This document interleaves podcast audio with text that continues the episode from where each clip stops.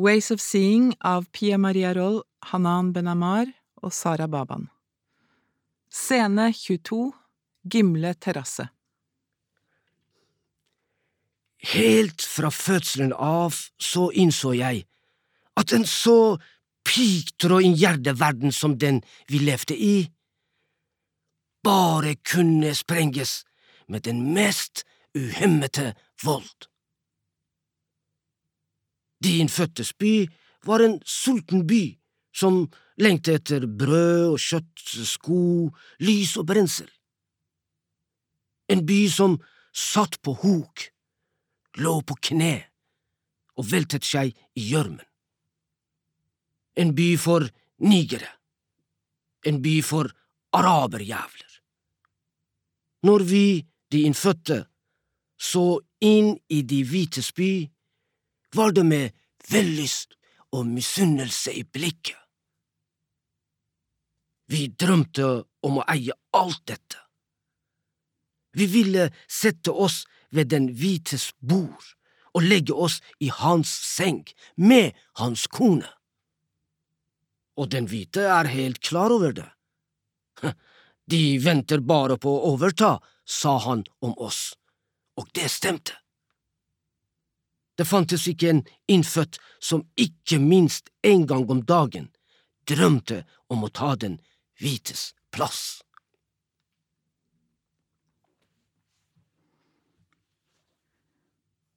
For the first time since the beginning of this pilgrimage, we are actually going into the city. The most luxurious part of the city, of course, Frogner. It's late August. The air is still warm. There is a little breeze. Here lives Christian Michael Dublaug, who is the initiator of the anti immigration party Alliansen. At his flat in Gimle Terrasse, he invites Christian Tubringede, Hege Sturhaug, and Jan Peter Willem Courvoisier Sissener in order to discuss the aims for the party. The other guests are secret. His neighbor is Kristen Sveos, who, after Rimi Hagen, is the biggest FRP donor. And just next door lives the very good friend of Spetalen and Jan Houdeman Andersen, Torstein Tvenger, the 14th richest man in Norway.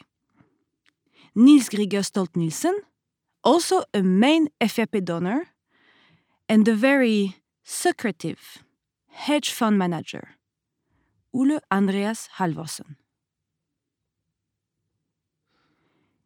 It's very strange to be in the city right now. There is nowhere to hide. We were so used to bushes and big gardens and luxuriant forests to be able to disappear. But now we are completely in the open. Kolonialismen er ikke en tenkende maskin. Et vesen som er utrustet med fornuft. Nei.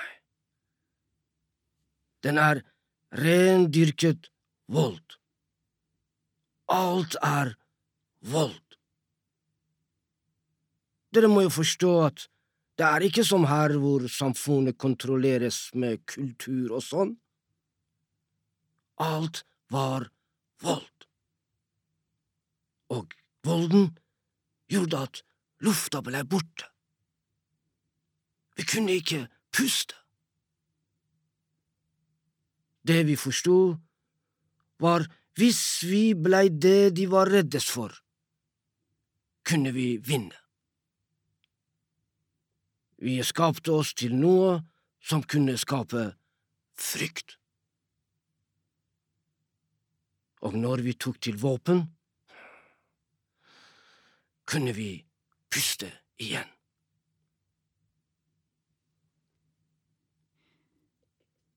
When we started this pilgrimage six months ago, we thought that there were some investors, like a few isolated individuals, that were backing up the extreme right.